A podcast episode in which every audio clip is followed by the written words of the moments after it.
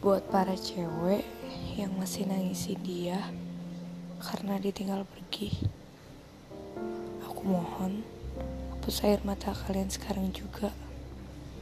Karena air mata kalian tuh mahal. Gak semurah dia. Apalagi semurah orang ketiga.